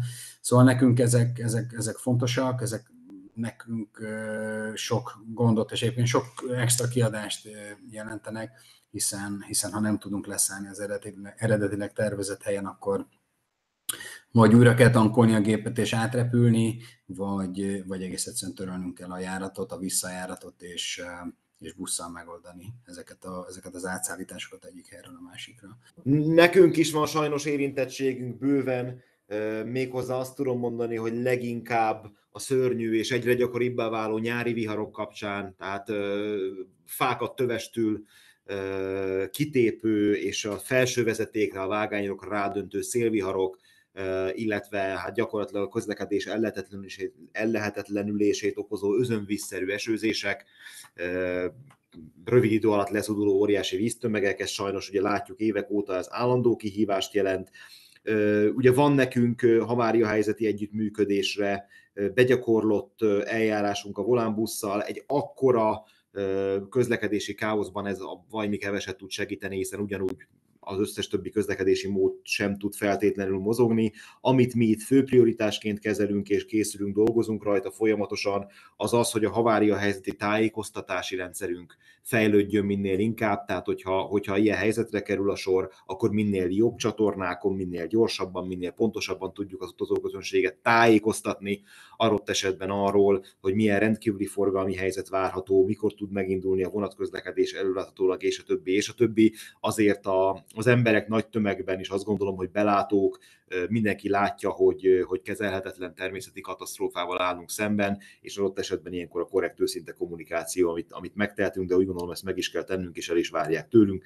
Azon dolgozunk, hogy ebben javuljunk folyamatosan. Hogy elhangzott az előző két hozzászólásban, talán a buszközlekedés, ami legkevésbé érintett. Nyilván, amikor a legnagyobb szélvihartomból, akkor a busszal sem biztonságos közlekedni viszont magát a közlekedést visszaállítani azt egyszerűbb, meg több esetben elrendelkezésre kerülő útvonal, mint mondjuk a vasútnál, hogyha ott van egy vihar miatti belső vezeték szakadás, akkor az nincs, vagy kevesebb kerülő útvonal van, adott esetben nem tudom, a legutóbbi viharos történés esetén a százas vonalnál pont volt kerülő útvonal, tehát ott egy idő után hosszabb menetidővel tudtak közlekedni a vonatok az autóbusznál meg azért az úthálózat sűrűsége lehetővé teszi, hogy hamarabb visszaálljon, helyreálljon a forgalom, és akár a vasúti, akár a légi közlekedés és esetén az autóbusszal ezt több esetben gyakran meg lehet oldani, erre vannak példák. A csoportszintű működésnek egyébként ez az előnye, hogy könnyebben, gyorsabban tudunk reagálni a vasúti közlekedésnek az avaraira de nyilván uh, itt azért figyelembe kell venni, hogy ha ez csúcsidőben történik, akkor nekünk sincs annyi eszközünk, hogy a saját utasaink elszállítása mellett még a jóval nagyobb számosságú, mondjuk egy köríci esetén vasúti utas teljes körű és gyors elszállításáról is tudjunk gondoskodni, de az mindenképpen fontos, hogy, hogy, hogy azért van ilyen lehetőség, tehát hogy az utasnak kevesebbet kell várni, és van alternatíva, amivel elszállíthatjuk, ha nem is az egész útja végéig, de, de egy következő városig, vagy következő megállóig mindenképpen. Térjünk egy picit át egy másik aktualitásra, ugye a vírus, amiről nem tudunk elfeledkezni. Egyre több országban szűnnek meg a belépési korlátok, vagy csökkennek a belépési korlátok, vagy viszik őket egyre lejjebb. Mennyiben érzik ennek a enyhítésnek önök a hatását? Mennyiben tér adott esetben vissza a fogyasztó a közösségi közlekedéshez, és mennyire száll át az autóból újra ezekre a járművekre? Mi ezt nagyon érezzük. Hála Istennek, mert már most látjuk, hogy a februári számaink és a később időszakra vonatkozó foglalási számaink növekednek. Tehát ez teljesen egyértelmű, hiszen nekünk a nagyon erős, ahogy korábban is mondtam, a kelet-nyugati viszonylatunk, tehát a külföldön élő kelet-európaiak nagyon sokat utaznak velünk. Egyébként ugyanilyen erős a, a dél-észak, tehát a balkáni országokban, Németországban, vagy akár a skandináv országokban tartó légiforgalmunk így sokkal könnyebb utazni. Tehát az Egyesült Királyságban, Németországban is, Tulajdonképpen már Magyarországon is alig van bármifajta korlátozás, legalábbis belépési korlátozás, tehát is sokkal könnyebb és sokkal egyszerűbb utazni, nem kell félni a karanténtől, nem kell, nem kell méregdrágán különböző időszakonként, különböző országokban, sokszor az induló és az érkező országban is PCR-teszteket csináltatni, tehát ezek nagyon jelentős költs, extra költségek voltak, vagy lettek volna, ismerősöm volt, aki még novemberben kiment az Egyesült Királyságba egy kétnapos tárgyalásra és tíz napot töltött karanténban, mert pozitívra tesztelődött a, a kinti kötelező tesztelésen. Egy négy tagú család, de nem csinál, tehát ezt nem, nem, nem vállalja fel ezt a rizikót, úgyhogy azt látjuk, hogy, hogy tér vissza az élet a repülésbe. Én most utaztam a hétvégén, a Ferihegyi ilyen hosszú távú parkoló az szerintem háromnegyedik volt, tehát a repülőtéren is már egész jó élet van, nem ez a, ez a borzalmas hangulat, ami 2020-ban volt. Úgyhogy én úgy látom, hogy ezek, a, ahogy oldódnak egyre inkább, vagy szűnnek meg ráadásul a korlátozások, úgy tér vissza az élet, hál' Istennek a, a repülésbe. Nagyon erős nyarat várunk egyébként, még erősebbet, mint tavaly volt. Köszönöm. Vonat esetében hogyan alakul, akár magyarországi tekintetben gondolkodva?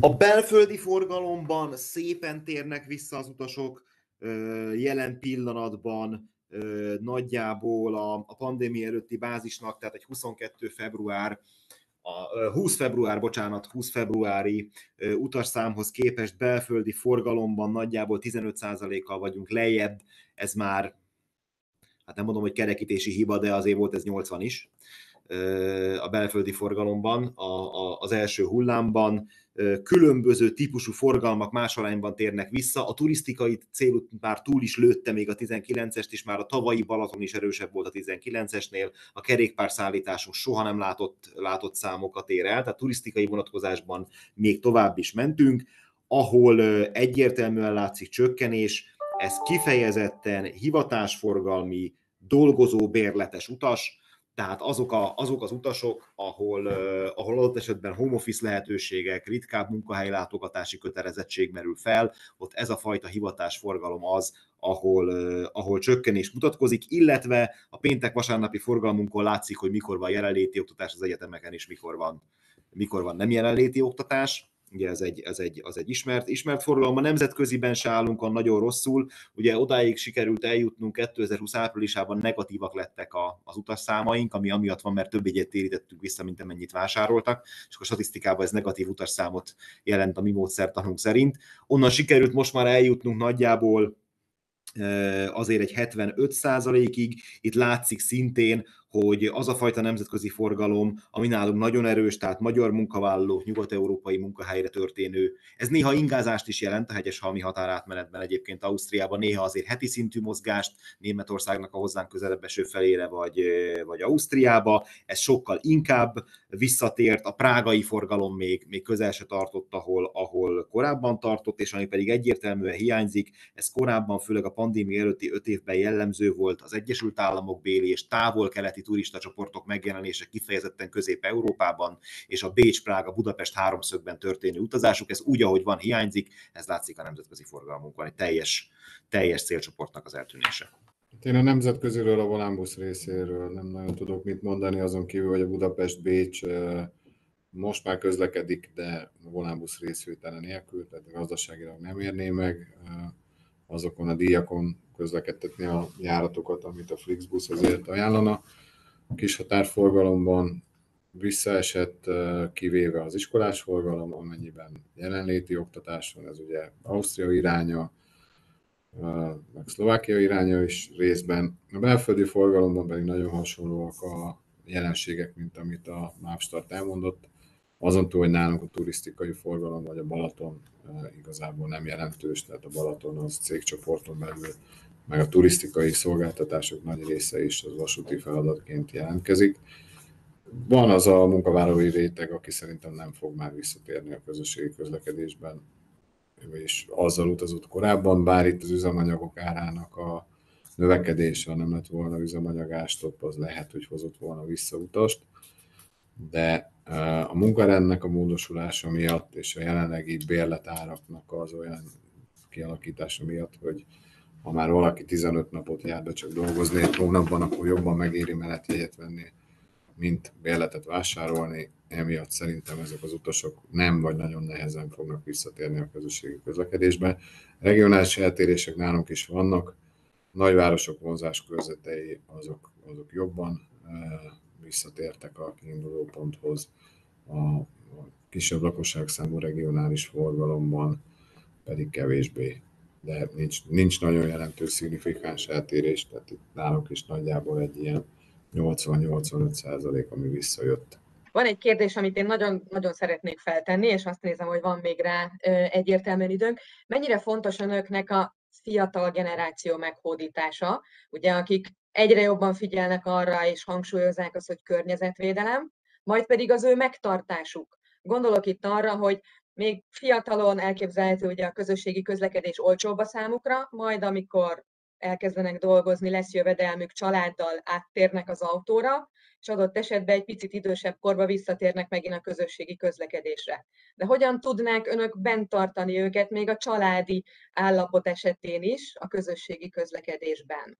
Már mindegyik válaszadást én kezdtem, akkor kezdem most is szívesen. Nálunk ez viszonylag egyértelmű, tehát nálunk azt hiszem, hogy mind utasok, mind, mind munkavállalók esetében a fiatal generáció az nálunk egy kiemelt célpont, tehát nekünk viszonylag fiatal az utazó közönségünk is, de a repülés mindenkiért, tehát tényleg a egészen kisbabáktól az idősekig mindenki repül és repül velünk.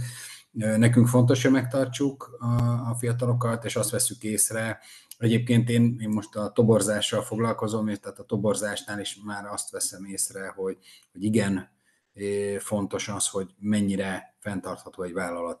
Tehát személyes tapasztalatom Magyarországról egyébként az egyik nyílt napunkon azt mondta egy fiatal lány, most fejezte be a középiskolát, hogy, hogy hát nagyon, nagyon örül neki, amikor hallotta a, a fenntarthatósági számainkat és mutatóinkat, hogy, hogy ennyire zöldek vagyunk, mert ugye nagyon szeretne itt dolgozni, de egy picit viaskodott magával, magában, hogy, hogy ő egy nagyon, nagyon környezettudatos valaki, és akkor egy picit úgy érezte, hogy hát egy légitársasághoz eljönni dolgozni az, az, az mégiscsak az elveivel ellentétes, de, de így megnyugodott. Tehát tényleg azt látom, hogy nagyon fontos.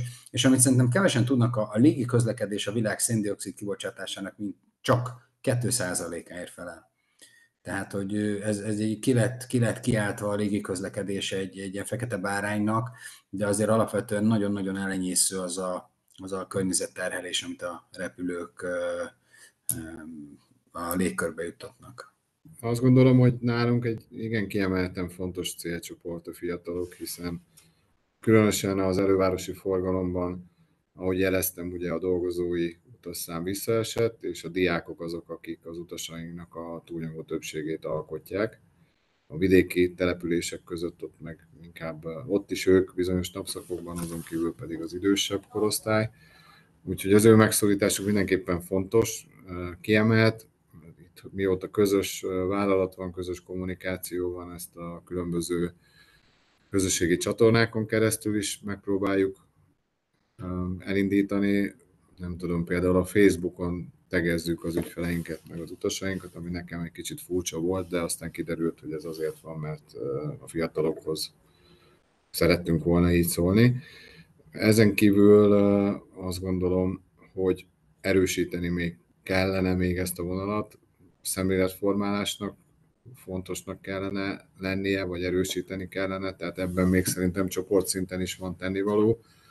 Bár a különböző tobozási eseményeken csoportszinten megjelenik a Mávolán csoport, és ott is igyekszik a fiatalokat nem csak mint utas, hanem mint munkavállalót megszólítani. Én azt tapasztalom egyébként, hogy ők már kevésbé vál, azon kívül, hogy a zöld iránya az erősebb náluk, ők alapvetően kevésbé vágynak jogosítványra vagy saját autó vezetésére, mint az azt megelőző korosztály. Ennél is inkább azt gondolom, hogy érdemes lenne őket megtartani utasként is, de ez egy viszonylag nehéz folyamat, és itt akkor megint a tarifa, ahova vissza kell, hogy térjek. Ha családként utazik valaki, akkor, és nincs kedvezménye, tehát nem nagy családos, hanem egy sima négyfős család, azt gondolom, hogy talán az autóbusz közlekedés és a vasúti közlekedés sem tud feltétlenül olcsóbb alternatívát nyújtani, mint hogyha személyautóval teszi meg egy család ugyanazt az utat, ahova vonattal vagy busszal menne. Itt speciális termékekkel lehetne szerintem mondjuk a családokat megszólítani, vagy, vagy speciális kedvezményekkel. Hogyha, hogyha vasúti részről kell ezt átgondolni, érdekes a kép szerintem, ami kirajzolódik, utasként a fiatal generációt megfogni sokkal könnyebb, mert egyre inkább, egyre inkább a fenntarthatósági fókusz, a zöld gondolat és ez a fajta ökológiai lábnyomcsökkentés, ez, ez, ez a Thunberg generációt erősen, erősen motiválja, ez látszik is, tehát ők adott esetben például simán bevállalnak nemzetköziben is hosszú-hosszú utakat. Tehát az, hogy valaki, vagy több ilyennel találkoztam, hogy csak az elmúlt héten volt szerintem öt holland célállomásra jegyvásárlásunk. Most mi ezt így föl szoktuk írni a naptárba, mert ez, ez nincs minden nap, az már ehhez, ehhez messze van.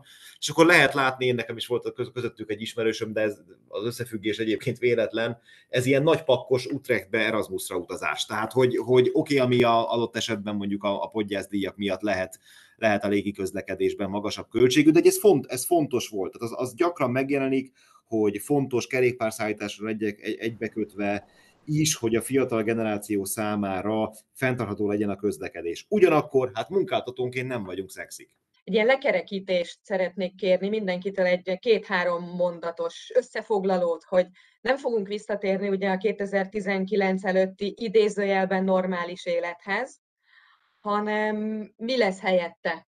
Én bízom benne, hogy vissza fogunk térni a 2019-es világba, vagy a bizonyos szempontból biztos, hogy maradnak olyan dolgok, amiket másképp fogunk hosszú távon csinálni, vagy a jövőben is csinálni. Meglátjuk, hogy ez az oltási kötelezettség, ez az oltást igazoló kötelezettség, ez meddig marad fenn. Lehet, hogy ez megmarad. Abban biztosak vagyok, vagy abban biztos vagyok, hogy mi és más légitársaságok is az ellen küzdenek, hogy maradjanak ilyen Hát, hogy a vírus és a, a, a jelenlegi helyzetet idézve szövődmények, mert a 2001-es amerikai légitámadás után, tehát a szeptember 11-es légitámadások után is bevezettek sok olyan kényszerintézkedést, például ez, hogy nem lehet egy, nem lehet egy decinél nagyobb térfogatú folyadékot bevinni, de ugyanakkor bevihetek 10 darab 100 ml-es terméket a repülőgépre. Tehát túl sok értelme ezeknek nincs, és ez, ez mind a repülőtársaságnak, mind a repülőtereknek, akik ellenőrzik, mind természetesen az utasoknak egy nyűg, értelmetlen dolog. Én azt gondolom, hogyha valaki ki akarja játszani a rendszert, az nem, nem így fogja kijátszani a rendszert, hogy bevisz egy egy valamit a fedélzetre. Úgyhogy, úgyhogy mi az ellen küzdünk, hogy minél kevesebb ilyen, ilyen maradvány legyen, mert, mert igazából a repülőgépek levegőkeringetése az rendkívül fejlett, két-három percenként cseréli a teljes levegőt a kabinban, tehát az nem igaz, hogy beülünk egy csőbe, és aztán ott szívjuk egymás leheletét akárhány órán keresztül, hanem két-három percenként teljesen lecserélődik. Igazából most, hogy már aki be van oltva, az, az már most is szabadon utazhat, úgyhogy én bízom benne, hogy, hogy vissza fogunk térni. A maszk használat lehet, hogy még egy ideig velünk marad a fedélzeten, de meglátjuk, hogy hogy alakulnak a, a, a pandémia számai, és mit mond a WHO, hogy mit lehet, mit nem lehet, és, és én személy szerint remélem, hogy előbb-utóbb ettől is megszabadulhatunk, de talán ez lesz az egyik legutolsó az országok közötti mozgás lehetővé tevő oltásigazolvány mellett, amitől megszabadulunk. De más, másra én nem nagyon számítok már, középtávon sem. Ami a, a lekerekítést, vagy a, vagy a pandémia utóhatásait, meg egy kis jövőképet érinti, remélem azt, hogy a pozitív folyamatok erősödni tudnak, azért minden rosszban van valami jó furcsa módon, és, és itt is lehet találni.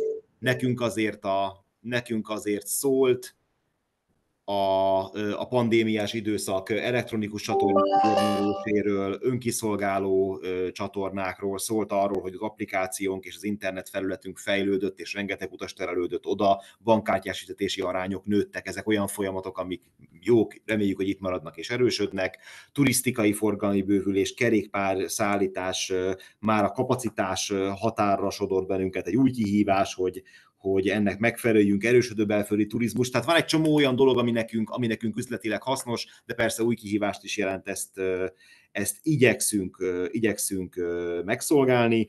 Viszont egy, egy feladat, hogy, hogy akkor is próbáljunk meg versenyképesek maradni, és a Bói úr gondolatára szeretnék ki csatlakozni, tarifális feladat feltétlenül van, hogy bizony az átalakuló atipikus foglalkoztatásban, már nem kell minden nap bejönni, meg tudjuk ezeket az embereket is szólítani, és ne azt mondják, hogy egy héten csak egyszer megyek Pestre, akkor elmegyek kocsival, hanem legyen számukra is egy olyan, olyan ö, ö, akár tarifális termékünk, amivel, amivel még így is megéri a vasúti vagy a közösségi közlekedés mellett maradni, és, és a, a, a rendszeressé váló home office mellett nem esnek ki a közösségi közlekedés rendszeres felhasználói közül. Ja, mondjuk mindhármunknak azt hiszem az irodai, vagy, a, vagy a nem, az nem irodai toborzásnál a home office az nem annyira járható út, de, de amúgy igen, a home office az nyilván sok mindenkit érzékenyen érintett.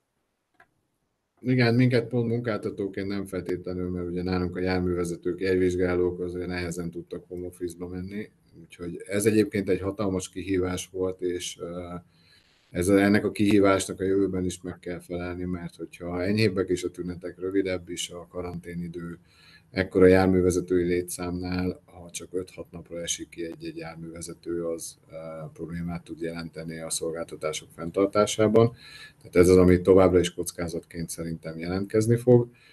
Azokat meg tudom erősíteni, amit Zsolt elmondott, ugye számunkra csoportszinten azt is hozta, hogy elkezdtünk együttműködni a pandémia, mert meg kellett oldanunk, hogyha nálunk nincs fedélzett értékesítés, akkor a MÁV pénztárba próbáljuk eladni a termékeket, és ez egy olyan helyzetet eredményezett, ami eddig soha nem volt. Ezt Zsoltól tudom ezt a gondolatot, vagy tőle vettem át, hogy egy pénztárban, egy vásárlási folyamatban tud venni az utas BKK bérletet, volánbérletet és MÁV bérletet. Ez azért egy fontos dolog, és ebbe az irányba mennék én is tovább, ha az utasokat vissza akarjuk nyerni. Nem lehet most már a 2019-es szintre tervezni, vagy abból kiindulni az lehet a cél, hogy oda visszajussunk, és az oda való visszajutáshoz is fejlesztenünk kell, investálni kell, új megoldásokat kell alkalmazni, és olyan tarifát kell bevezetnünk, ami, ami nem több tízezer forintos bérlet egy 30 kilométeres bejárásnál, vagy nem több tízezer forintos költség egy család hétvégi kirándulásánál. És lehet, hogy mást is kell tartalmaznia ennek a terméknek adott esetben, de az utazási láncra szóló több alkalom, több közösségi közlekedési eszköz használat, tehát lehetővé tévő termékeké a jövő, és szerintem így tudjuk az utasokat visszahozni a közösségi közlekedésbe. Nagyon szépen köszönöm a záró gondolatokat is, illetve az elhangzott zöld ötleteket, zöld megvalósításokat. Én nagyon remélem, hogy így rövid vagy középtávon tudunk újra találkozni, adott esetben lehet, hogy már személyesen, és akkor meg tudjuk nézni, hogy hova tudnak tovább zöldíteni, illetve hogy sikerült a mostani terveket megvalósítani. Úgyhogy nagyon szépen köszönöm Boi Lórántnak, Hegyi Zsoltnak és Radó Andrásnak a beszélgetést, illetve a hallgatóságnak, hogy ilyen szép számban itt voltak velünk.